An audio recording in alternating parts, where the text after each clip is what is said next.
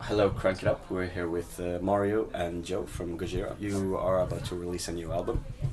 I don't really know how to pronounce it because it's in French. Could you maybe help me with that? Uh, the name of the album is L'Enfant Sauvage.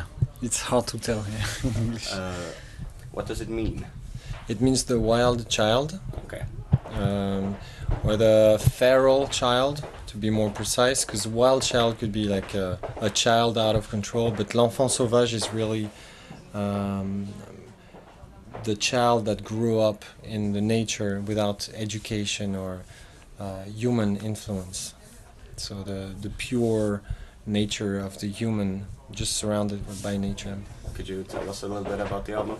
I don't know. It's uh, it's Gojira. You know, um, it's what we do since uh, 15 years now, and uh, um, always trying to reinvent ourselves. But uh, but at the end of the day, it's always you know the same sound and the same energy, the same heart. Uh, so you know we're evolving, and you know it's it's always a new step, a new album. But it's it's hard for us to analyze it. We just we just do it. We just uh, uh, express ourselves and record and produce, and, and then other people uh, analyze it. Uh, it's it's really hard for us to analyze it and to, to tell more about this. But what we can say is that we're happy yes. uh, with this album. Really happy, yeah. You guys are one of the few uh, French metal bands that uh, that are out there, so to say. How does it feel to be one of the the biggest ones? How do you how do you feel about this? Uh, no, I, I mean, um, yeah, it's it's uh, it's great to maybe to take the flag of a French band, but uh, in the same time, it's um, we know there is a lot of good bands, and uh, it's hard to realize that we are the only uh, French band who, who who know uh, international career, but. Uh, um, yeah, we are proud of it. If we can uh, open some doors for the other band, it's uh, it's very positive for us, and uh, we we don't think about it. We don't know what the situation is exactly, but uh, of course we know we are one of the first uh, French bands to uh, make it outside of France, and it's cool. But you know, so at the same time, when you're like trying to make something and try to raise the bar and and do your best constantly, you always look at you know the next step. What is the next step? And Yeah. we uh, v- uh, barely look back and say, "Hey, it's, you see what we did." Sometimes we should do that, and f- would would make uh, us feel better and more relaxed. But we most of the time, you know, uh, look at the horizon and, and Yeah. try to go uh, more far. And there's a lot to do still. Well, you recently been signed to Roadrunner Records. That's pretty big. Yeah. Yeah. How did that happen, really?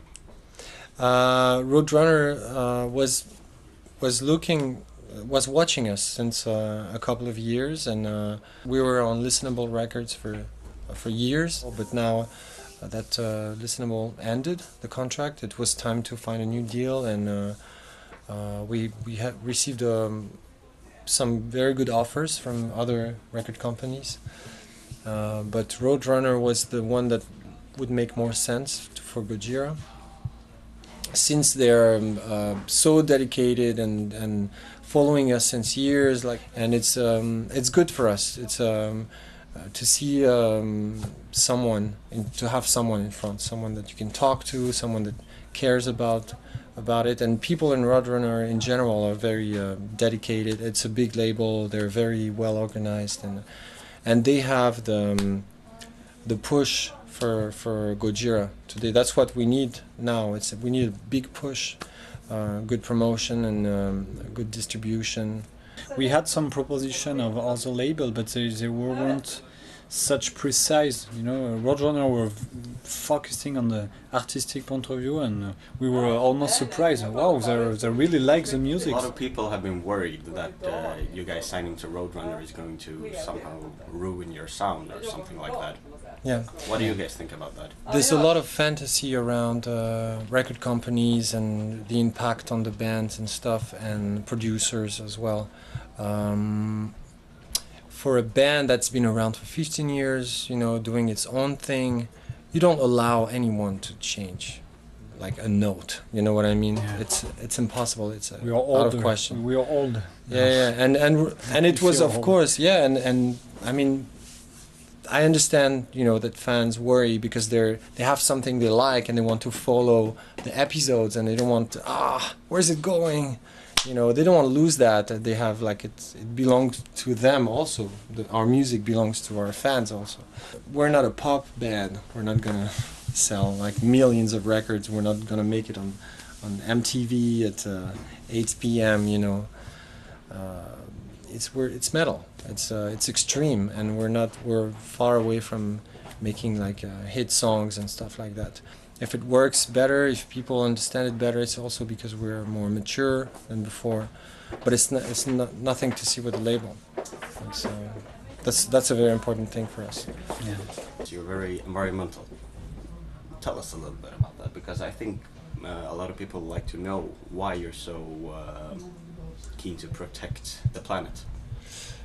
Um, well, uh, that's a big word, really, because um, we are, you know, we, we're doing music and, and and poetry. Like I say poetry because if you take a song, it's like a poem. It's not even a text. It's not a book. It's not a, you know, a, a clear statement. It's it's just words put together to create a vibe. So you know, it's very tricky to uh, to to to say that a band is doing politics, for example, stuff like that, and um, it's just common sense that we live on a small planet and we should just uh, you know pay attention to what we do and protect it. It's it's part of our themes and, and topics, but it's not a flag that we raise like we're you know green warriors or environmentalists.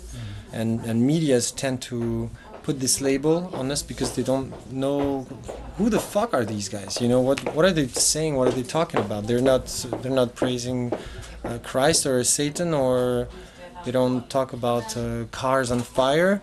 So they must be environmentalists, you know. Yeah. Uh, I don't. I'm not blaming you. You know, we've been called like that for so many years that now it's almost like a, an official stamp on us. But I like to remind that uh, wait a second, it's not. It's a little more complex than that.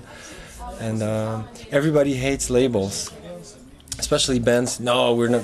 We don't have. You know. So maybe we should come up with something. But uh, uh, I would say that the the main topic of the songs is uh, the spirit. Really, the spirit, the human spirit. So on a more serious note, what do you guys think about Swedish meatballs?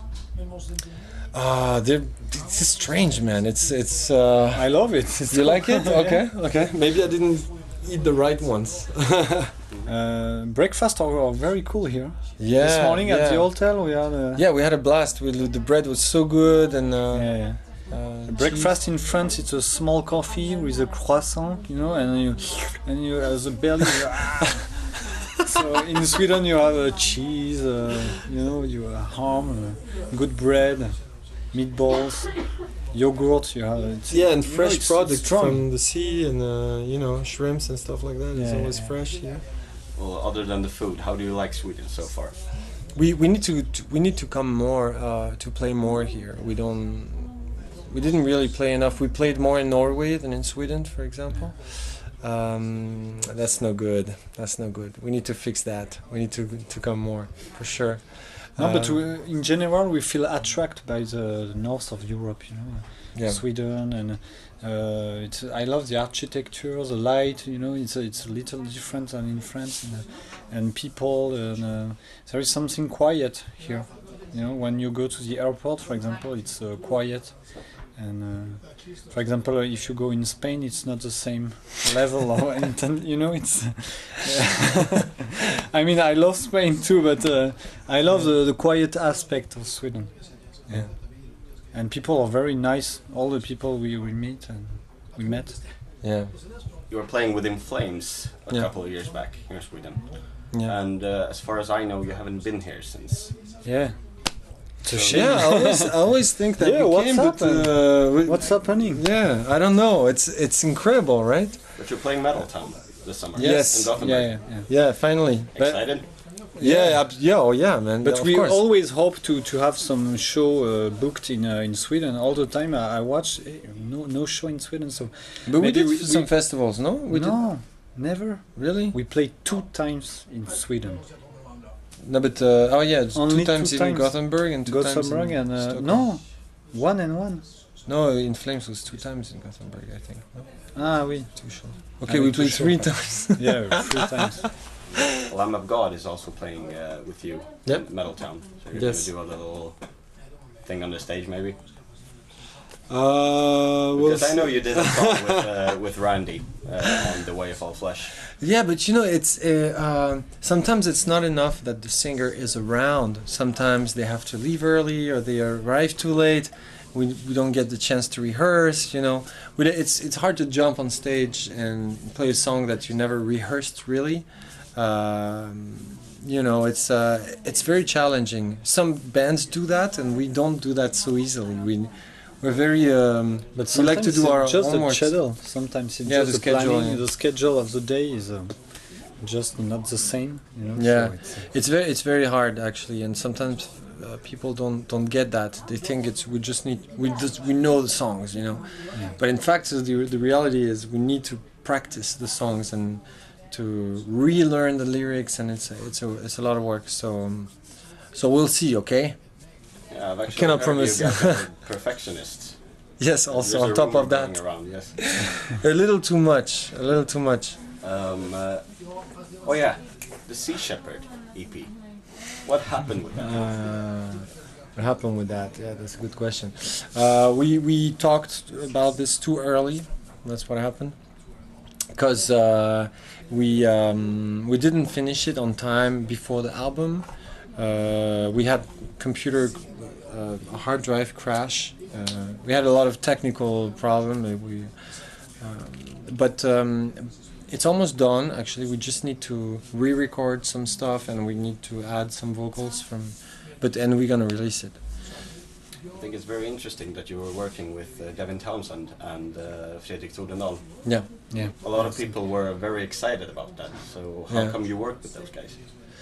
Uh, we, we feel close to these guys um, artistically, and uh, they they they inspire us uh, since we started. I mean, they're they're amazing artists, and for us, it was uh, we um, we contacted them with um, you know uh, a lot of respect and not expecting anything from from them, and they answered right away, like uh, positively, you know. Of course, wow! This it's an honor for for me to work with you guys, and I'm like, wow, okay, so it's a it's a perfect world, you know. Um, and and so since this since then we uh, we know each other a little more, and we uh, we um, you know we'd like to tour together and stuff like that. And Hi guys, this is Gojira. you're watching Crank It Up.